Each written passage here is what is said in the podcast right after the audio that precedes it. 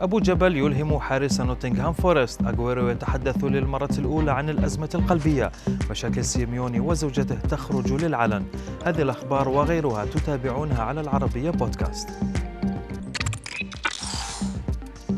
يبدو أن حارس نوتنغهام فورست بريس سامبا قد ألهم بحارس الزمالك أبو جبل بعد إبعاده لثلاث ركلات ترجيحية في التصفيات المؤهلة إلى ال Premier League أمام نادي شيفيلد يونايتد.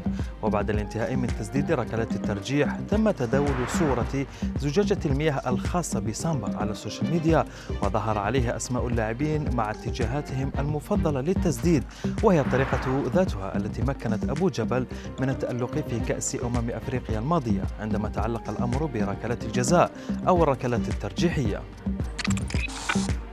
لاعب برشلونة المعتزل سيرجيو أغويرو تحدث للمرة الأولى عن الفترة التي سبقت إصابته بأزمة قلبية.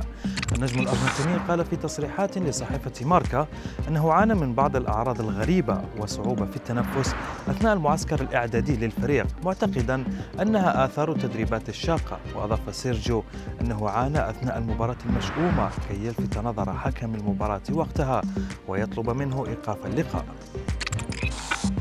أرجنتيني آخر كان نجما أيضا في في نادي برشلونة هو خافير ماسكيرانو المدافع الصلب سابقا. يتولى حاليا تدريب منتخب الأرجنتين للشباب بطريقة صارمة جدا.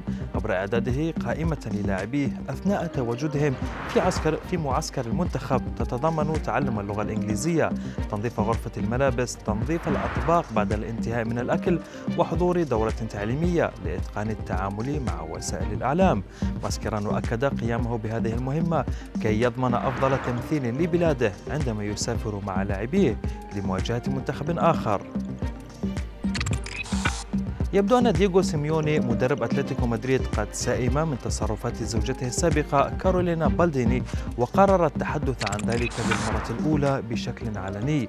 بعد ثمان سنوات من انفصالهما دييغو أكد في تصريحات صحفية أنه حاول إنقاذ زواجهما عدة مرات والآن هو فقط يحاول حماية أطفاله من تصرفات كارولينا. مضيفا بأنه لطالما حاول تجنب صدام علني معها لكنها ستستمر في الحديث عن هذه القصة لسنوات طويلة جدا.